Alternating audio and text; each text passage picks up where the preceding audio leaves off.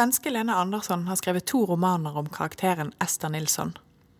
Ester er blitt en kjent figur. En personifisering av den pinlige forelskelsen og den onde avvisningen. Esters håpløse romanse har skapt debatter i Skandinavia. Noen lesere irriterer seg og mener at Ester er en stalker i kjærligheten, mens andre kjenner seg altfor godt igjen i en historie om spillet mellom menn og kvinner. I denne bobkasten kan du høre Lene Andersson snakke med bibliotekets egen romantiker, Herdis Moldøen. Ja, velkommen til eh, Bergen offentlige bibliotek. Eh, så fint at dere ville ta turen her i dag.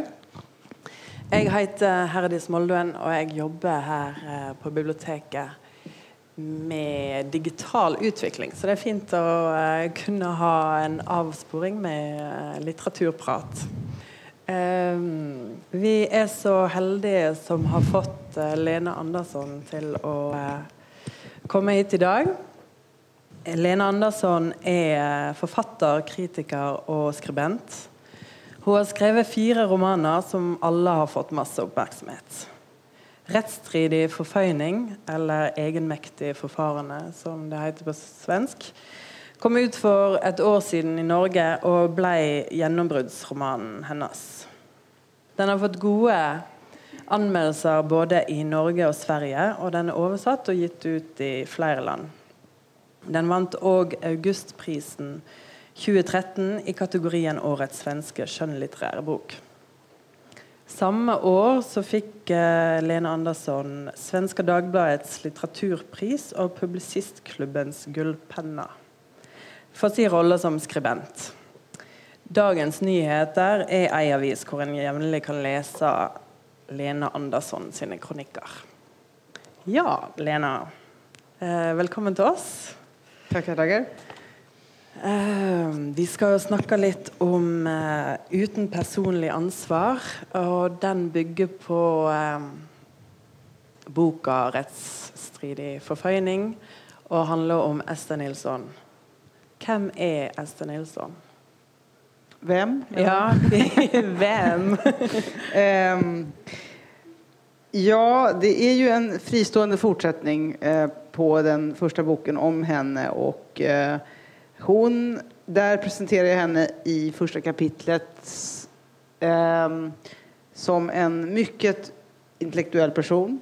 Eh, Ester Nilsson är eh, i, i rättsstridig förföljning då, egenmäktigt förfarande, är hon 31 år gammal när boken börjar och hon är, eh, har haft ett eh, stillsamt liv fram till dess, som då tar slut. Ehm, det stillsamma. Hon är... Eh, hon har doktorerat i filosofi.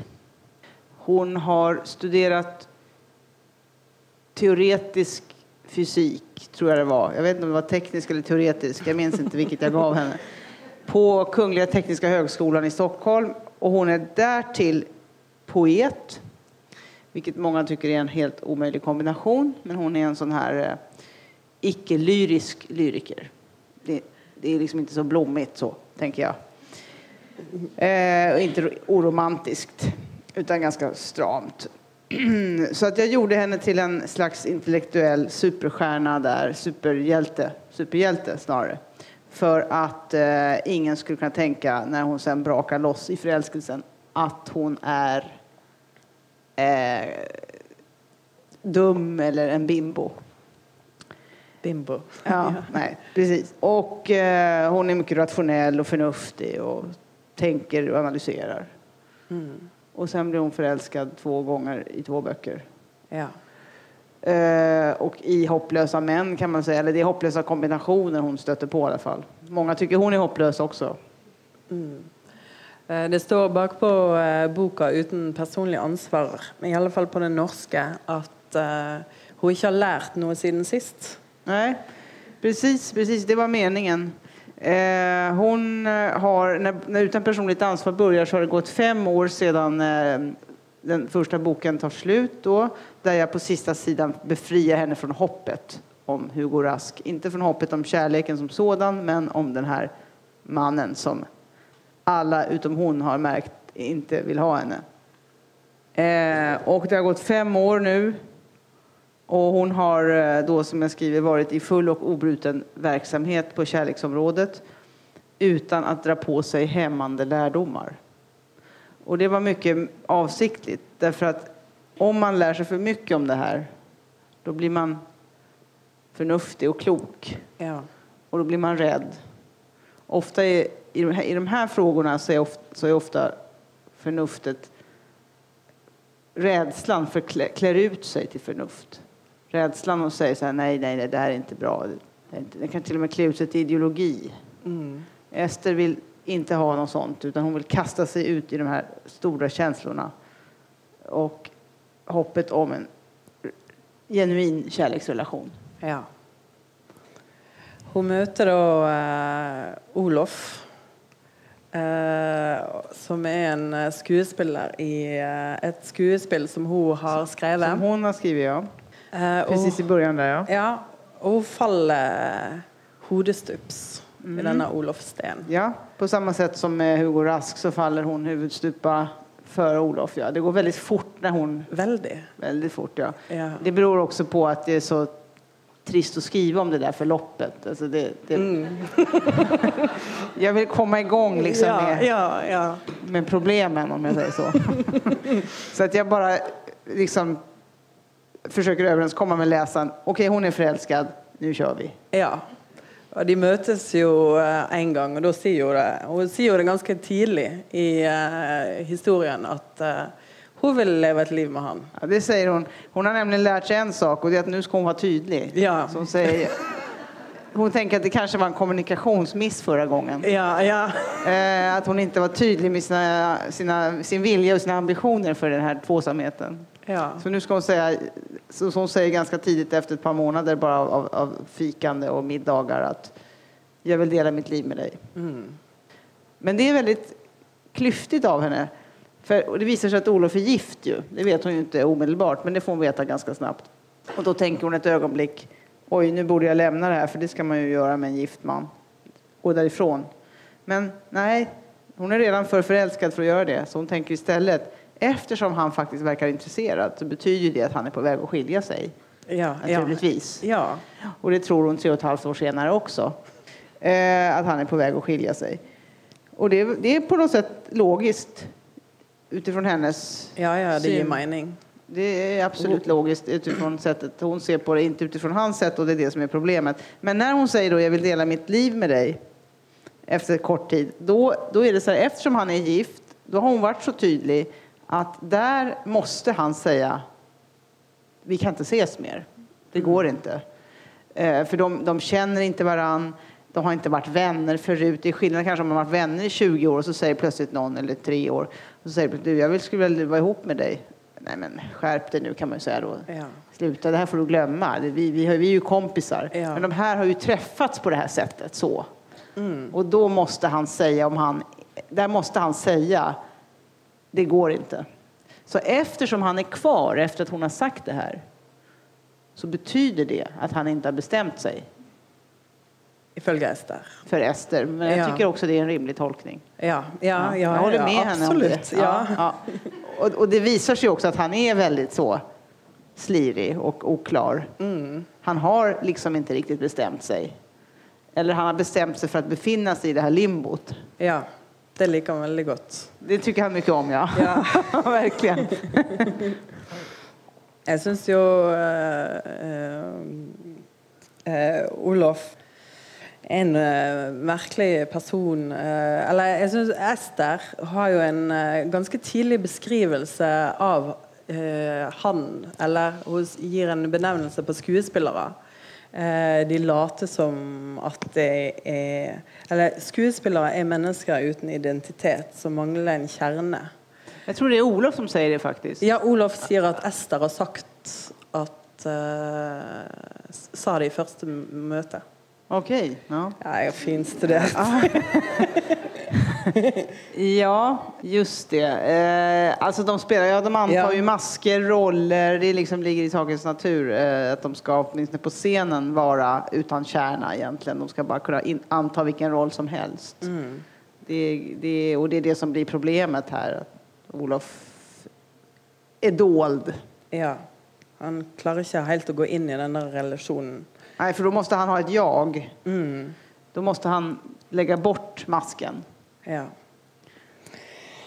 Jeg lurer på om kanskje vi skulle ha hørt noe fra, Från boken. fra boken. Ja, eh, kan jag läsa när de ska eh, träffas för första gången då? Ja. i, i köttet, så att säga, eh, på bibliskt vis. Eh, jo, då, det, efter, alltså det är ju så att de börjar träffas och, och, och det tar tid och Olof eh, gör, gör motstånd. Och, eh, men de ses på små middagar och han är ju gift men hustrun pendlar till Borlänge som ligger cirka 20 mil drygt från Stockholm och hon är läkare där så att hon är inte hemma i veckorna. Eh, och det går ett steg fram, ett halvt steg bak hela tiden. Så här. Olof säger det finns inte på kartan att jag ska lämna min hustru. Men lägger till, men vi kan ju träffas och se hur det går. Eh, Ester vill absolut inte vara älskarinna. Hon vill inte träffas och se hur det går. Hon vill ha lite mer besked än så, men hon inser att hon får nöja sig med detta så länge. Och så ska de äntligen, och så ska de äntligen till eh, till att efter ett halvår då så, så, så är det, börjar det verkligen bli dags att ta det här till nästa nivå, nämligen den fysiska nivån. Eh, Och för att, lite grann, det, här är, det här är en studie i am- hur ambivalens ser ut när den iscensätts verkligen. Olof är patologiskt ambivalent.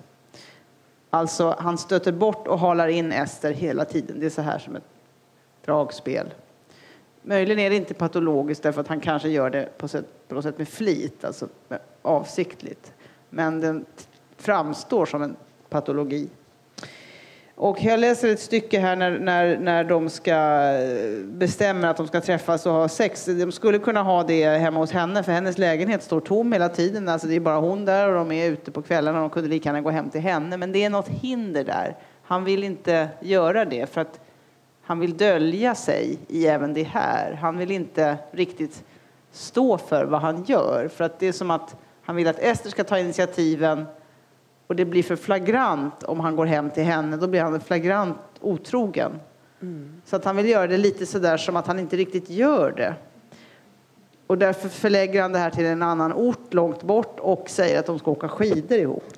Ehm, Så att den här ambivalensen finns väldigt, liksom väldigt tydligt uttryckt i den här passagen som jag ska läsa nu. I slutet av januari, när de i vanlig ordning sågs en kväll och långt in på natten, föreslog Olof att hon skulle komma och hälsa på honom på turnén, den som snart skulle börja. Men då är det ju kört, sa han. Om vi inleder en sexuell relation är det kört. Ester undrade stilla vad det var som var kört och hoppades att han menade äktenskapet. Men säker var hon inte, för det var ännu en konstig sak att säga som skorrade mot situationen de befann sig i. Om de inledde en sexuell relation var det ju för att det redan var kört, inte tvärtom. I mitten av februari skulle Olof spela i Arvidsjaur en helg. Och det är långt upp i Lappland då. Och när han nu tog fram sin kalender föreslog han att hon kom dit så kunde de åka längdskidor tillsammans, som han sa. Det var så han sedan konsekvent benämnde saken, att de skulle åka skidor tillsammans en helg. Tydligen måste han förflytta denna stora sak med små steg för att kunna härbärgera den. Inte bara tvingades han förlägga deras fysiska möte på en annan ort, utan dessutom tänka på det som gemensamt frisksportande. Hans samvete räknade mil och det var långt till Arvidsjaur. Olofs samvete räknade på allt möjligt hela tiden, tänkte Ester senare, men tycktes på samma gång vara ur funktion. Att de fattat beslut om könsumgänge, även om det kallades skidåkning, fick dock Ester att darra och skälva i hela kroppen. Det här gick åt rätt håll. Det fanns ingen återvändo. Ute var blåsten hård och temperaturen hade sjunkit mot minus tio. Ester bar ingen mössa och det enbart för att håret inte skulle ligga platt. I vanliga fall gick hon aldrig ut utan mössa om det var kyligare än plus fem, men ikväll hade hon tänkt att hon skulle försöka behålla någon sorts frisyr. De gick mot Slussen. Nu var beslutet fattat. Olof la armarna om hennes frusna huvud och sa Ta på dig mössa nästa gång. I Arvidsjaur ska jag ha dubbla mössor, sa hon. Det ska bli roligt att åka skidor med dig. Det var tre veckor dit. Åtrån rev och slet i Ester dag och natt, men inte efter längdskidåkning. När resan närmade sig hämtade hon ner sin utrustning från vinden, täckte golvet med tidningspapper och la glidvalla på det repiga gamla belaget. Från Stockholm till Arvidsjaur tog hon sig med ett flyg som mellanlandade i Lycksele för på och avstigande. Biljetten kostade 5 000 kronor, lika mycket som till New York. Därutöver hade hon för några tusen totalt köpt ett par varma vinterkängor, en kavaj och två blusar. Deras första kärlekshelg blev kostsam, men vad spelade väl pengar för roll när det var sällhet man köpte? Arvidsjaurs flygplats var en landningsbana och en låg plåtbyggnad i ödemarken. Den extatiska kättja som äntligen skulle få sitt utlopp efter ett halvårs väntan gjorde henne lealös och det var på skakiga ben hon sökte upp traktens enda taxi som ljudlöst förde henne genom urskogen. När hon klev in i hotell Laponias lobby satt Olof där och väntade. Till hennes förvåning var han påpälsad i ytterkläder. I dagar och veckor hade hon sett framför sig hur han tog emot henne på sitt rum, förbehållslöst och flödande, och hur de gick till sängs mellan nymanglade lakan, kastade sig in i varandras kroppar, sammankletade av kärleksvätskor, hoptrasslade utan att vilja gå utanför dörren på hela helgen. Men här satt han, iförd jacka, halsduk och handskar. De gick till rummet med väskan och skidorna. Olof verkade jäktad och jagad, sa att han ville ut på byn och se sig omkring. Vad skulle de ut på byn och göra? Hade de inte väntat i månader på det här ögonblicket? Nu går vi ut, sa Olof och slog sig ner i en fåtölj. Hans röst i telefonen sedan de bestämt datum för detta möte hade varit tunn civilisation spänd över vild brunst. Och nu detta försök till oberördhet. Det var löjligt genomskinligt. Så Ester satte sig på hans knä och smekte honom över pannan, håret och kinderna, tog av honom jackan och kängorna, rörde vid hans överkropp och lår. Deras läppar möttes. De låg nakna i sängen. Akten blev hastig och het. Olof tycktes vilja få den överstökad och hon såg frånvaro i hans ögon. Det tycktes henne absurt att manifestera detta vankelmod fastän han bett henne flyga till Lappland, haft månader av förberedelser och tre ångerveckor sedan de bestämde. Det vilade något närmast ointelligent över en sådan diskrepans eller en ambivalens som var rent konstitutionell och bortom hans kontroll. Men dessa tankar fick inget att förklinga i henne. Om det var en slötänkt person hon älskade fick det vara så. Om hon älskade en konstitutionell hopplöshet fick det vara så också. Oavsett allt vill Ester få älska Olof och bli mottagen av honom. Ehm, alltså Olof hela tiden ser till så att hon tar initiativet. Ja. Det är det som är poängen. Va? Att han, han har inte gjort något. Nej. Han har inte gjort något. Vadå? Det var ju ja. du. Det var ju du. Vi ska ju Vilket han har nytta av sen på slutet. Ja, vi ska ju gå på ski bara, precis. Mm. Så han har inget personligt ansvar för detta. Det är hans så att säga, uträkning. Mm. Då har han inte riktigt gjort något, för det är någon annan som tar initiativet. Ja. Men han eh, eh lager jo dette håpet til Ester hele tida, eh, som han bryter igjen. Hun har denne romantiske forestillingen om at nå skal det endelig skje, denne eh, kjærligheten. Eh, og kommer der eh, mm. og har sett for seg tusen muligheter hvordan de skal møtes. Ja. Eh, så sitter han der. han har fått kalla fötter helt enkelt. Ja, ja. I, I, minusgraderna. ja, men det är hela tiden. Hela tiden, fram och tillbaks. Fram ja. och tillbaks. Hon, alltså, hon, blir ju nästan galen av det här. Fram ja. och tillbaks, fram och tillbaks. Ja, det kan ju gott hända att hon blir lite galen och... Hon hade kunnat bli eh, riktigt galen. Om det hade varit en 1800-talsroman då hade hon tagit liv av sig på slutet. Alltså. Ja, ja. Eh, Fröken Julie, alltså det, det, det, då hade det varit tvunget att ta, ta bort henne från den här jorden. Mm. Men hon tar inte livet av sig, det lovar jag. Nej, heldigvis. Det är en bättre slut än det. De har ett väldigt märkligt förhåll, eh, dessa Eh, de har en eh, vanskelig relasjon. Det glir ikke lett. Og eh, Alltså, den är, den är, det, är ju med, alltså, det var ju det jag ville skildra då, så att den ska ju vara sån.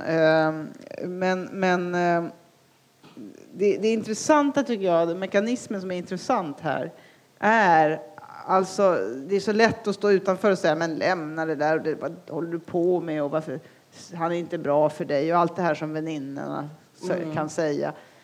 Men jag skulle vilja säga att jag har skrivit om och ville skriva om just hur en bindning uppstår mm. och upprätthålls. Alltså en bindning mellan två personer, det är, det är ju som molekyler som fastnar i varandra. Alltså molekylerna kan liksom inte riktigt hjälpa att de fastnar. Eh, och jag menar att vi, människorna kan hjälpa oss, vi har vårt förnuft, eh, men, men under vissa betingelser så fastnar man i varann. Och mm. det här som Olof gör mot Ester, hon är beroende känslomässigt av honom, det är alltså ett recept för hur man binder någon till sig. Mm. Att ge, hon, hon är satt på svältkost. Och eh, hon får precis hela tiden för lite, alldeles för lite för att vara nöjd, men fortfarande med hopp om mer. Kan, kan ju förbättras det här. Ja. Och för mycket för att kunna släppa. Eh, och där håller han henne i en alltså terrorbalans.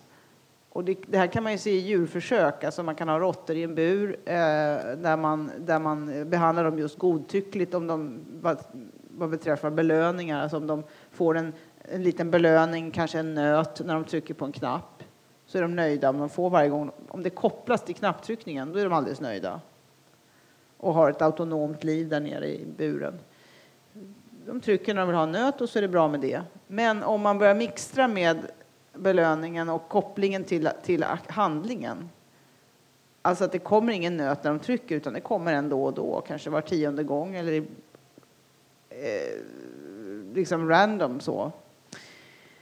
Då blir råttan alltså i försök tokig och trycker hela tiden. Ja. Så här. För att det är, det är, ingen koppling till vad den gör i alla fall. Det går inte att räkna ut hur, hur det ska bli. Och, och någonstans där, där, uppstår en bindning. Alltså det. Mm. Och det är inte bara Ester som uh, håller på på detta viset. När, uh, när Ester trekker sig så blir ju Olof varm och ja. tar initiativ. Nu ska vi finna på något.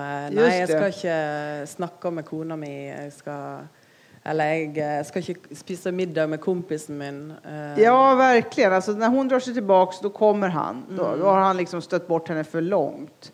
Han kanske uppfattar att det är hon som håller på med det här spelet. Ja. Det är mycket möjligt. Jaha, nu har Ester dragit sig undan. Då, då, måste han arbeta. Men han är på något sätt i mer kontroll, för hon är ju totalt förlorad i sina känslor i detta. Han har dessutom kontroll över sitt äktenskap. Det är ju hennes stora vanmakt, att hon inte har någon som helst kontroll över hur det här ska bli. Han mm. kan ju välja om han ska vara kvar i äktenskapet eller inte. Ja. Men han, eh, det kan inte hon välja åt honom, Nej. även om hon skulle vilja det.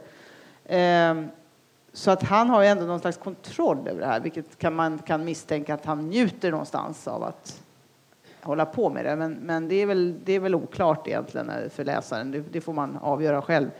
Um, men tänker du att detta är kärlighet? Ja, men jag tänker att det, Ester har kärlekskänslor. Ja. Alltså hon älskar att vara med honom, hon trivs där, hon tycker det är mysigt, trevligt.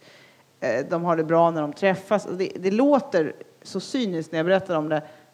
Eh, men det är för att det är så svårt att berätta om det som är bra. Ehm, eller det blir så jolmigt på något sätt. Alltså de har det bra när de träffas. Problemet är mönstret de sitter i. Det, problemet är när de inte träffas. Jag tänker inte att Olof har kär, kärlek till henne egentligen så mycket. Det, det, då och då. Han, jag tror inte han riktigt vet vad det är.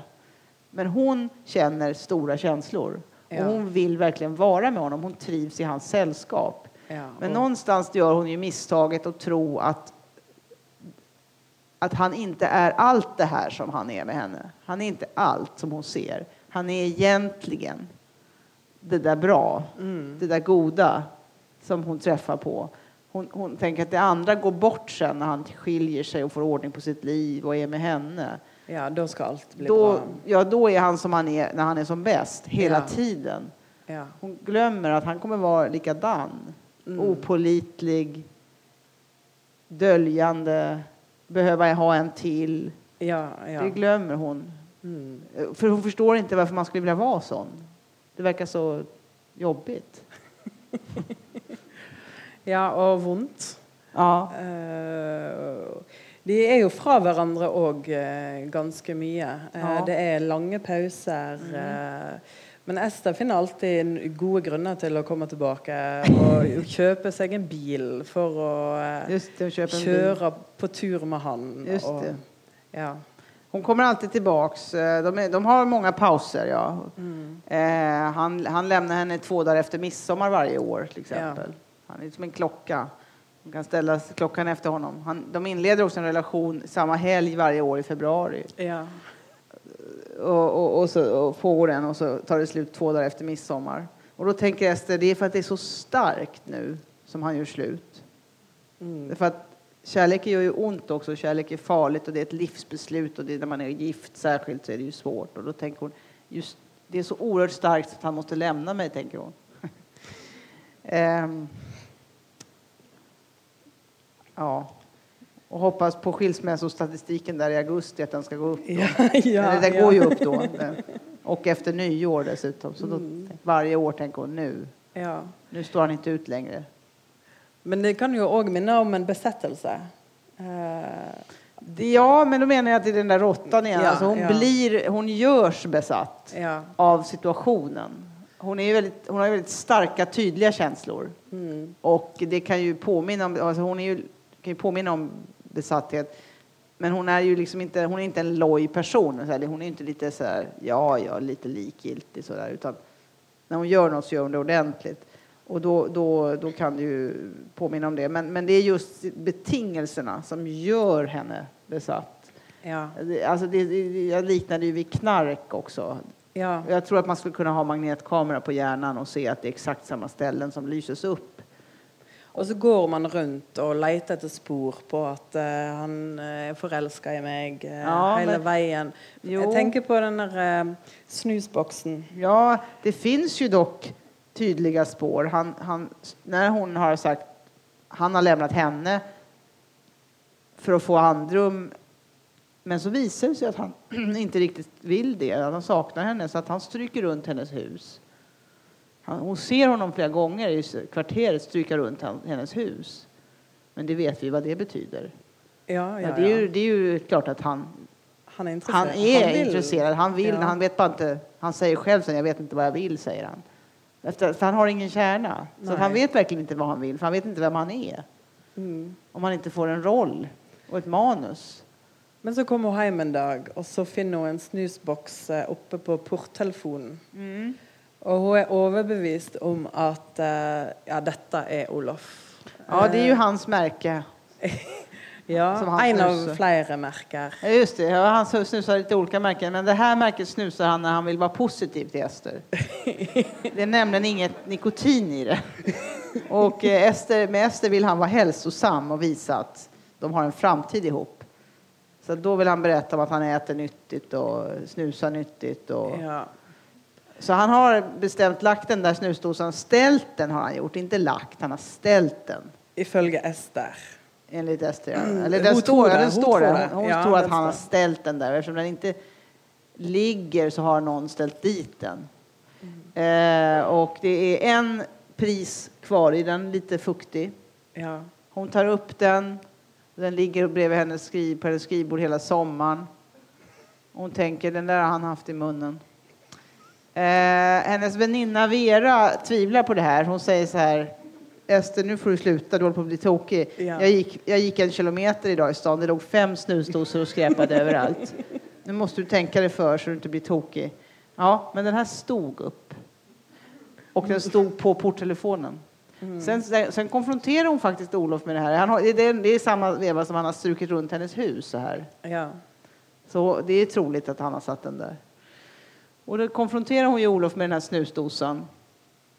Och då svarar han ju, hon är ju ganska noga med språklig alltså. Hon är ju språkfilosof trots allt. Ja, ja, och analyserar. Nu samtalen gått. Så att han, han svarar på ett sätt som man gör, han vet lite för mycket om den här snusdosan omedelbart. Han säger inte vad, vad pratar du om? Utan han säger han säger något som gör att man förstår att han vet vad hon pratar om. Alltså han, han vet lite för mycket. Det är väldigt ja. svårt att ljuga nämligen. Det är väldigt svårt att göra det rätt. Mm. Eftersom om man vet att man har ställt en snusdosa där så är det väldigt svårt att ta bort från hjärnan att man har gjort det. Och han avslöjar sig på något sätt. Så att jag, jag tror nog att han har ställt den där snusdosan där faktiskt. Men han låtsas inte om det. För det vore ju att ha tagit ett initiativ.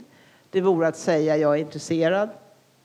Han njuter av att hon kanske ändå undrar om det är han. Det är precis avsikten alltså. Okay. Det, det är sadism. Ja, akkurat där så tenker jeg at det bikker litt for Ester. Uh, I uh, at jeg ikke tror helt på henne. Uh, du tror inte riktigt? Hon är ju beredd att skicka den till Statens kriminaltekniska ja. laboratorium tillsammans med ett hårstrå som hon knycker från honom för att övertyga alla tvivlande väninnor om att det är så här. Ja. Men hon tänker det är nog dyrt för privatpersoner att göra det. Så... Um, men du tänker att det vickar lite för henne där? Alltså att det, hon ja, är på väg att, och... Ja, då tänker jag att det kanske går uh, hon över Ja, jag börjar tvivla som läsare. Ja, är, vad är det med Ester? Uh, har gått för långt in i den här relationen och... Uh... Alltså, nu ska vi se, han säger nämligen så här. Nu ska jag berätta vad han säger när hon de träffas på en festival, teaterfestival strax efter den här snusdosan. Hon frågade om han i förra veckan hade ställt en snusdosa på hennes porttelefon. Han nekade direkt, men så snabbt, ordrikt och införstått att hon anade att han talade osant. Han försökte framställa påståendet som förryckt och bisarrt men visste allt för väl vad det var för händelse och snusdosa hon talade om för att vara trovärdig. När han, sedan sa, när han sedan med den onödiga brodyr som tynger varje ansträngd lögn sa det är inte min stil att ställa snusdosor på folks ringklockor var saken klar. Hon hade inte sagt något om en ringklocka men på porttelefonen fanns en grafisk gammaldags ringklocksymbol som han antagligen ovetande hade registrerat. Det var svårt att överlista den, e-, sin egen hjärna Ännu svårare att kontrollera dess associationer. Därtill visste hon att när människor nekade genom att säga att något inte var deras stil ljög de allt som oftast. Liksom när de i detalj upprepade en anklagelse för att visa på det absurda i den. Sådant man behövde ljuga om var vanligen precis det som bröt sig loss ur den stil man ville upprätthålla. Skammens handlingar, som sammanföll med lögnens, ville var och en gärna tro låg utanför den egna personligheten, stilen. Alltså har han ställt snusdosan där. Ja, hadde jeg vært Ester Jeg har jo vært i, en, i sånne situasjoner sjøl. Ja. eh, ikke akkurat med snusboks, men, eh, men eh, akkurat da så hadde jeg begynt å tvile på min egen eh, virkelighetsoppfatning. Ja, okay. Ja. Ester tvivlar aldrig på sin. Nej, hon gör inte det. Hon gör inte det. Det, det på... står i början av den här faktiskt, mm. första boken. Jag inleder med det. Det är väldigt viktigt det du säger nu, för jag inleder just med, med att så här. Med förödande, det här är första sidan i första boken. Med förödande exakthet förnam hon verkligheten inifrån sitt medvetande och levde enligt ambitionen att världen var så som hon upplevde den. Eller rättare sagt att människorna var gjorda sådana att de erfor världen så som den var om de bara var uppmärksamma och inte ljög för sig själva. Så att hon är övertygad om att hon ser rätt. Det är fint. Det är därför läsarna blir så irriterade på henne. Så himla irriterade har de blivit i Sverige i alla fall. Ja. Många. Inte minst de som känner igen sig blivit irriterade. Oh, ja, ja, ja. Eh, hvordan har du merka irritasjonen? Är... De, de säger den till mig. Ja. De är arga. Ester är, väcker mycket vrede mm. hos eh, ja, både kvinnor och män. Ja. Också glädje och igenkänning. Och många känner att du har skrivit om mig, säger de till mig. faktiskt. Eh, män och? Ja, faktiskt. Faktiskt mm. både och. Det är många kvinnor som inte känner igen sig och det är män som känner igen sig i Ester. Ja. Jag, jag träffade en, en man som sa att alla kvinnor jag någonsin har träffat har varit som Hugo Rask och jag har alltid varit Ester Nilsson. Har du eh, møtt noen som har rukket opp hånda og sagt at de føler seg som eh, Hugo? Hu- eh, Ja, Hugo Hugo, eller Olof. Olof? Är Nej, någon det, hör, det, nej, det det? förstår jag på andra sätt. De som, känner, de som känner igen sig lite för mycket i Olof, de säger Ja, hur oskyldig är den här Ester egentligen då? va, va, va, varför är det så synd om henne? Hon väljer ju det här. Då anar man möjligen att det här ligger, ligger nära. Ja, ja. Men eh, man skulle ju önska sig en bok eh, där man fick höra lite eh, hur det är från man, mannens synsvinkel òg. har du en Ja. sånn bok i deg? Nej, ja, alltså egentligen tycker jag att den här Olo, eh, Utan personligt ansvar handlar om Olof. Jag tänkte på det, på det här med perspektiv, när jag skrev de här båda. Jag tänkte på alla möjliga perspektiv jag kunde skriva ur. Jag kunde skriva ur bådas perspektiv. Det är lite konventionellt egentligen tycker jag att skriva ur allas perspektiv. Och det är lite att leka Gud på något sätt. Och även om författaren är en sorts Gud just då så, så är det en poäng också att välja ett perspektiv så att läsaren får tänka sig, undra hur han ser på det här. Så, så brukar jag själv uppleva när jag läser böcker. Att, att man, det är intressant att få ett utsnitt och så undrar man så här, mm, undrar, men, ja, men det finns ju en annan sida av det här. Men båda de här männen, Hugo Rask och Olof Sten, alltså deras perspektiv, det skulle bli så annorlunda att jag tror inte man skulle känna igen historierna. För de är inte där. Alltså de ljuger för sig själva mycket mer än många tycker Ester ljuger för sig själv. Det tycker jag inte är särskilt framträdande drag hos henne. Men, men de vill ju inte hålla på med det här. De skulle, om de berättar det här, det skulle bli väldigt konstigt att skriva utifrån deras perspektiv, för de gör ju inte riktigt det här de gör. Det, det skulle bli något, en helt annan sorts bok. Och jag ville skriva om en olycklig kärlekshistoria. Så en bok utifrån Olofs... Alltså man, man får något, på något sätt förstår hans perspektiv, tycker jag, av hur han hanterar den här situationen.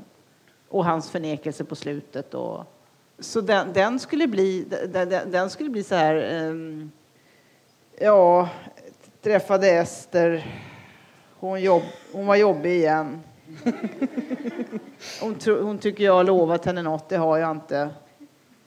Eh, hon är inte klok. Eh, det ska bli väldigt kort. Ja. Eh, eh, nu var vi i Arvidsjaur och hon skulle, hon skulle, hon skulle prompt eh, ligga med mig. Jag hade ingen lust, eh, sa jag. Men det var ju skönt. Det är klart det är skönt, man är ju man. Ungefär så alltså. Och det, det står redan här egentligen. ja, ja, det gjør jo det. Så att jag tror egentligen den här historien går bara att skriva ur den olyckligas perspektiv. Ur, ur den här andras perspektiv är den ingenting. Det är det som är så hemskt. Tragedin i de här två böckerna är att det bara är Ester som är på plats Ja. i relationen. Men Ester er jo sammen i den første boka, 'Egenmektig forfarende', så er hun sammen med en mann som det. har det motsatte forholdet. s- s- Der eh, Ester er Hugo, eller Ja. Ester er Olof. Precis. Ja, Eh, kanske inte Olof, men, men Nej, Hugo i alla fall. Ja. ja. Jo, det var precis. Hon är, hon är när boken börjar, eh, lever hon tillsammans sedan flera år med Per. Eh, och det har svalnat påtagligt eh, och hon blir blixtförälskad eh, för kanske för att ta sig loss från relationen, för att något ska hända i hennes liv och så. Men hon, hon begår, jag gjorde det verkligen avsiktligt så att hon begår en minihandling som, eh, som i miniatyr är en Hugo Rask-handling. Alltså hon, efter, hon bara lämnar honom för det första, men det är ju åtminstone hederligare. Hon lämnar åtminstone, hon håller inte på och slirar fram och tillbaka så här. Men sen efter några månader när hon är olycklig och Hugo har dumpat henne så gör hon den här alltså misstaget att på ett liksom slappt sätt, oansvarigt sätt ringa upp Per, bara kolla läget lite. Och hon vill inget med det här. Hon har ingen avsikt att följa upp det. Och hon drar igång hans känslor och förhoppningar om att hon ska komma tillbaks. Och hon ser inte att det är det hon gör. Så att min, min tanke är så här om människorna, att vi är inte bara i en position. Man kan vara samtidigt utsatt för det man utsätter någon annan för. Det är det som är så hemskt. Att det inte är säkert att vi lär oss. Vi vi är mycket mer uppmärksamma på när vi blir utsatta för oförrätter än när vi utsätter andra för oförrätter. Vi räknar oförrätterna mot oss, men minns inte riktigt. Eller har alltid väldigt bra förklaringar till när Mm. vi är lite taskiga själva. Då Ja. vet man varför och ja, men jag var tvungen. Och, Mm. Ja, men det var väl inte så farligt. Och där är, det, är väl, det är väl för att ge någon slags förståelse till Hugo då, så att han ska vara... Jeg syns du har en veldig flott skrivestil. Det, det flyter veldig godt. eh, eh, Det er en god blanding mellom eh, eh, dialog og eh, mm, oppsummeringer av kjærligheten, eller gode teorier om kjærligheten. eh. Hvordan er det å jobbe eh, Hvordan skriver du egentlig? Ja, eh, är det här nynorsk som du pratar? Eller? Ja, Ja, det är det, är det va? er det vanskelig? Nej, ja, vissa ord är jag inte ovan vid. Ehm, ja, jag kan berätta ganska noga hur jag skriver. Och Det, det, eh, alltså jag tycker mycket om att skriva dialog i lagoma doser. Eh, och jag tycker om förhöjd stil, alltså förhöjd dialog, inte som det exakt låter när man pratar. För det är ganska outhärdligt att läsa. Ja. Utan det är verkligen skrivet för att läsas det här. Eh, och det, det har sin egen speciella rytm. Och man, jag tar bort en massa små ord och, och, som vi använder. Så det är inte, det är inte naturalism, utan det är stilisering. Va? Men sen hur jag jobbar är att jag, jag inte vet särskilt väl innan var jag ska egentligen hamna någonstans, vad jag ska skriva, utan jag börjar liksom prövande, trevande med, med ett tema. Det här skulle jag skriva om kärlek, det visste jag. Jag, jag har noga studerat ämnet, får jag säga, i mitt eget liv. Eh, under många år har jag gjort research för de här två böckerna. Så att jag visste att jag visste saker. Och de skulle ner på något sätt på papper. Jag, jag ville också göra något av en tankebok här. Alltså att jag ville berätta det jag vet om ämnet. Eh, och inte, inte bara gestalta utan också på något sätt tala om i, i, i nästan aforismer att så här, så här ser naturlagarna ut Ja. eh, på det här området. Det var verkligen min ambition denna gång. Och på en, på en prosa som är då attraktiv. Och det, den handlar mycket om att eh, stryka och stryka och stryka, lägga till och stryka lite till och så. Så jag, jag skriver igenom, när jag väl har en textmassa och, och figurerna då utkristalliseras ju ganska tydligt och så från tidigt. Och sen är det dem jag gör historien kring. Men rent tekniskt jobbar jag så att när jag har den här textmassan, det är då egentligen det stora arbetet tar vid, det är redigeringen. Då skriver jag igenom från början till slut, gång på gång på gång på gång. Alltså jag, jag börjar i början när jag, när jag har textmassan och sen skriver jag mig igenom boken flera gånger, alltså ändrar, titt, känner hur det låter. Jag är liksom läsare av min egen bok. För, då, för att, att skriva är egentligen att läsa. Det är bara det att det är ens egen text. Så jag måste bedöma texten som läsare av den. Inte bara som skrivare av den. Utan den, den, alltså, the proof of the pudding is in the eating. Alltså den, det avgörs av läsningen för mig, om det här håller eller inte. Och det är jag som måste avgöra det. Och då känner jag när jag läser, för varje gång så lär jag känna texten lite bättre och så känner jag så här, nej, nej det här behövs inte. Eh, det här, nej, det här, den här passagen är onödig, den har jag redan sagt där. Och förhoppningsvis ska jag då till slut ha stramat åt så mycket att inget onödigt är kvar. Når jeg leser teksten, eh, så har jeg en klump i magen hele tida, for jeg føler sånn med Ja, Ester ja. underveis og historien. Sitter du òg med det under hele skrivearbeidet? Har, har du det som leser? Ja, jag ska åtminstone känna ungefär det du känner, även om det är jag som har skrivit det. Alltså jag vill ha, jag vill ha någon sorts distans till texten som gör att det känns som att då har jag lyckats nå fram till, det, till att bli klar när, när jag känner, men har jag skrivit det här? Ja. Mm. Eh, att den är lite främmande för mig. Eh, för då lever den. Eh, då har jag fått liv i den. Konstigt nog är det så.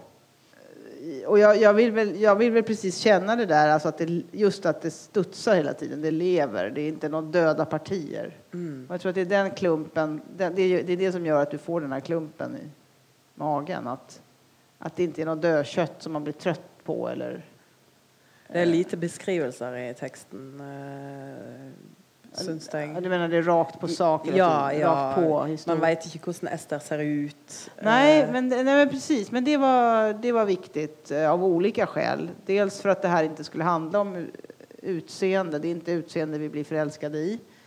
Eh, dels för att det inte skulle vara att hon måste se traditionellt ut som nå- någon kvinna i en kärleksroman.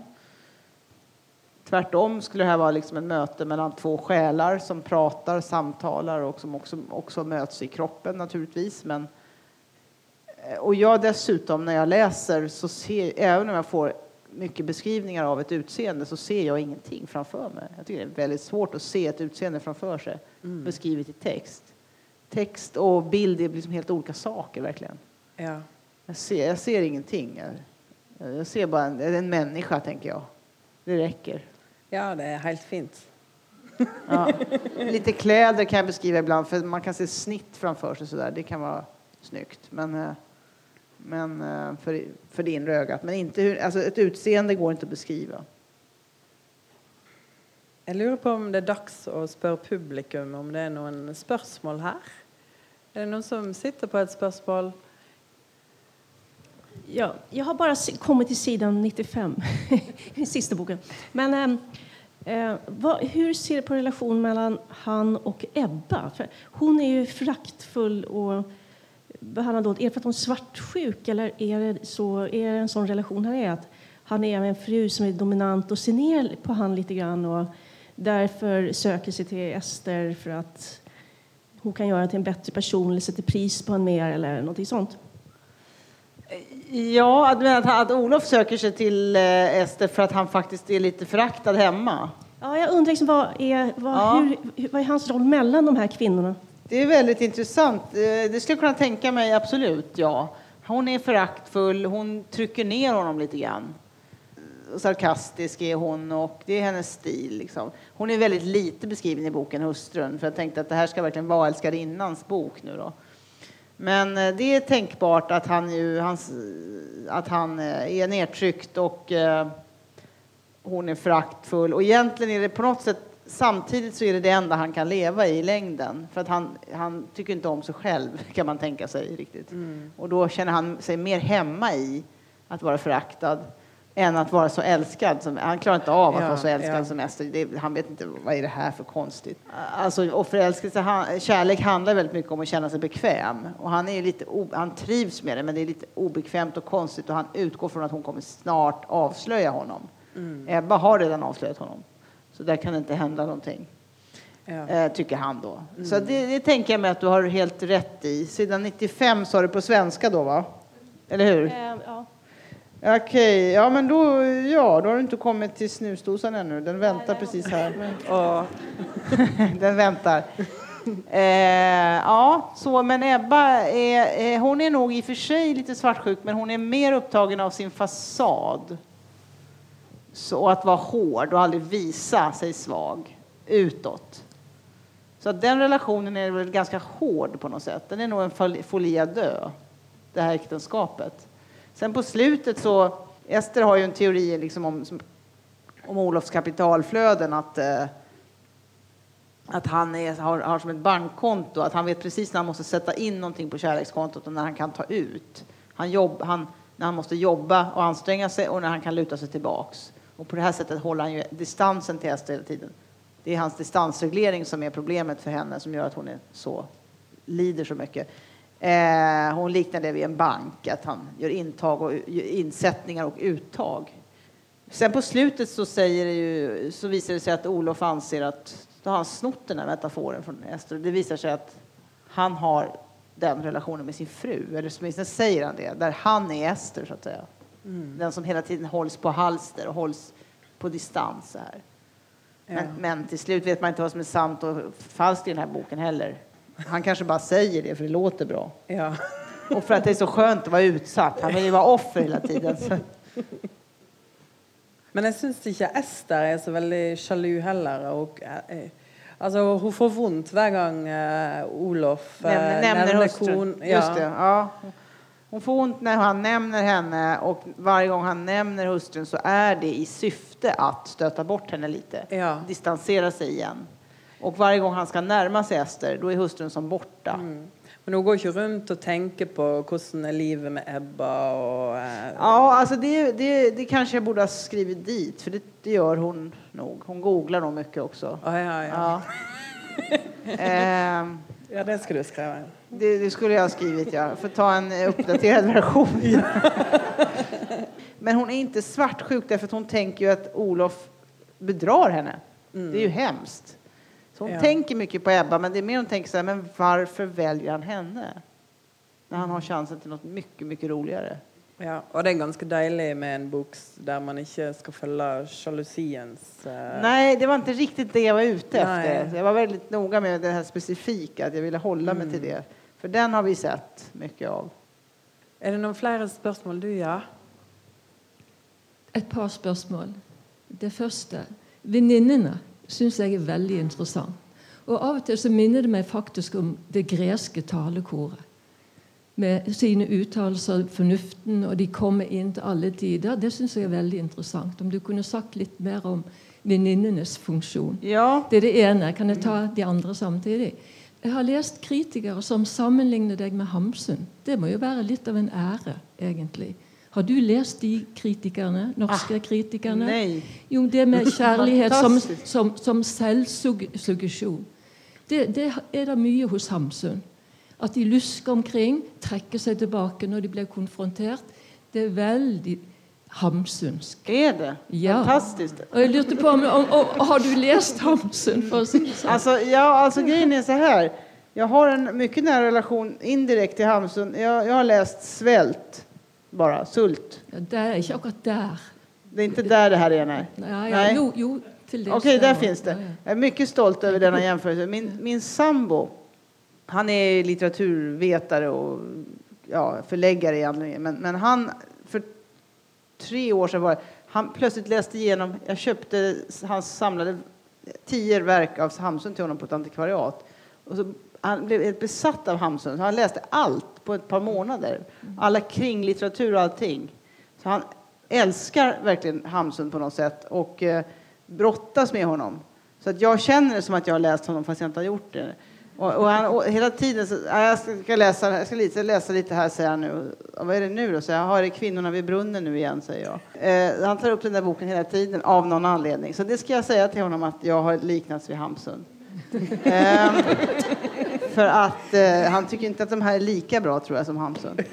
Eh, men ehm, det var ju trevligt. Eh, jag, och jag har för avsikt att läsa mer Hamsun, men jag är inte säker på hur mycket som finns på svenska och jag, vi har dem på norska då. Eh, och det är trots allt ett litet filter emellan, så då måste jag ha mycket tid och kraft. Eh, sen väninnekören. Den har en väldigt viktig funktion. Dels för att den är otroligt viktig när man hamnar i sådana här situationer. Det, det går inte. Ester hade inte rätt ut det här annars. Eh, så så är det ju i, i, i livet och så ville jag att det skulle vara i boken. Men den är också en ventil för läsaren, tänker jag.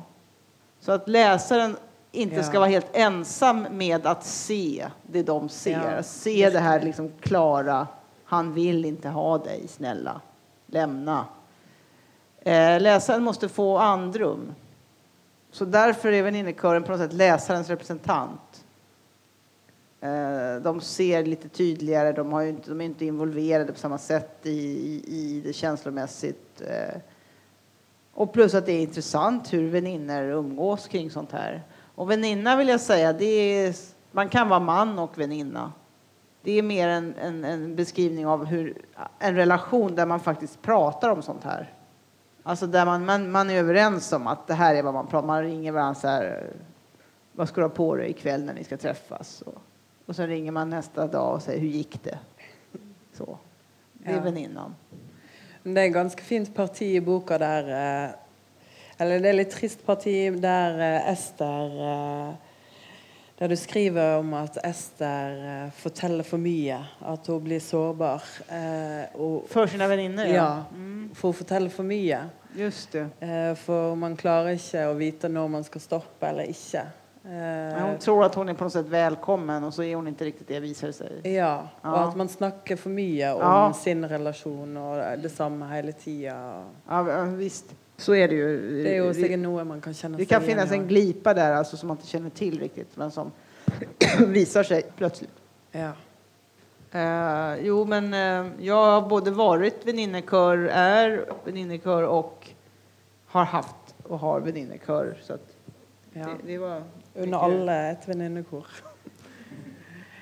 Er det noen flere spørsmål?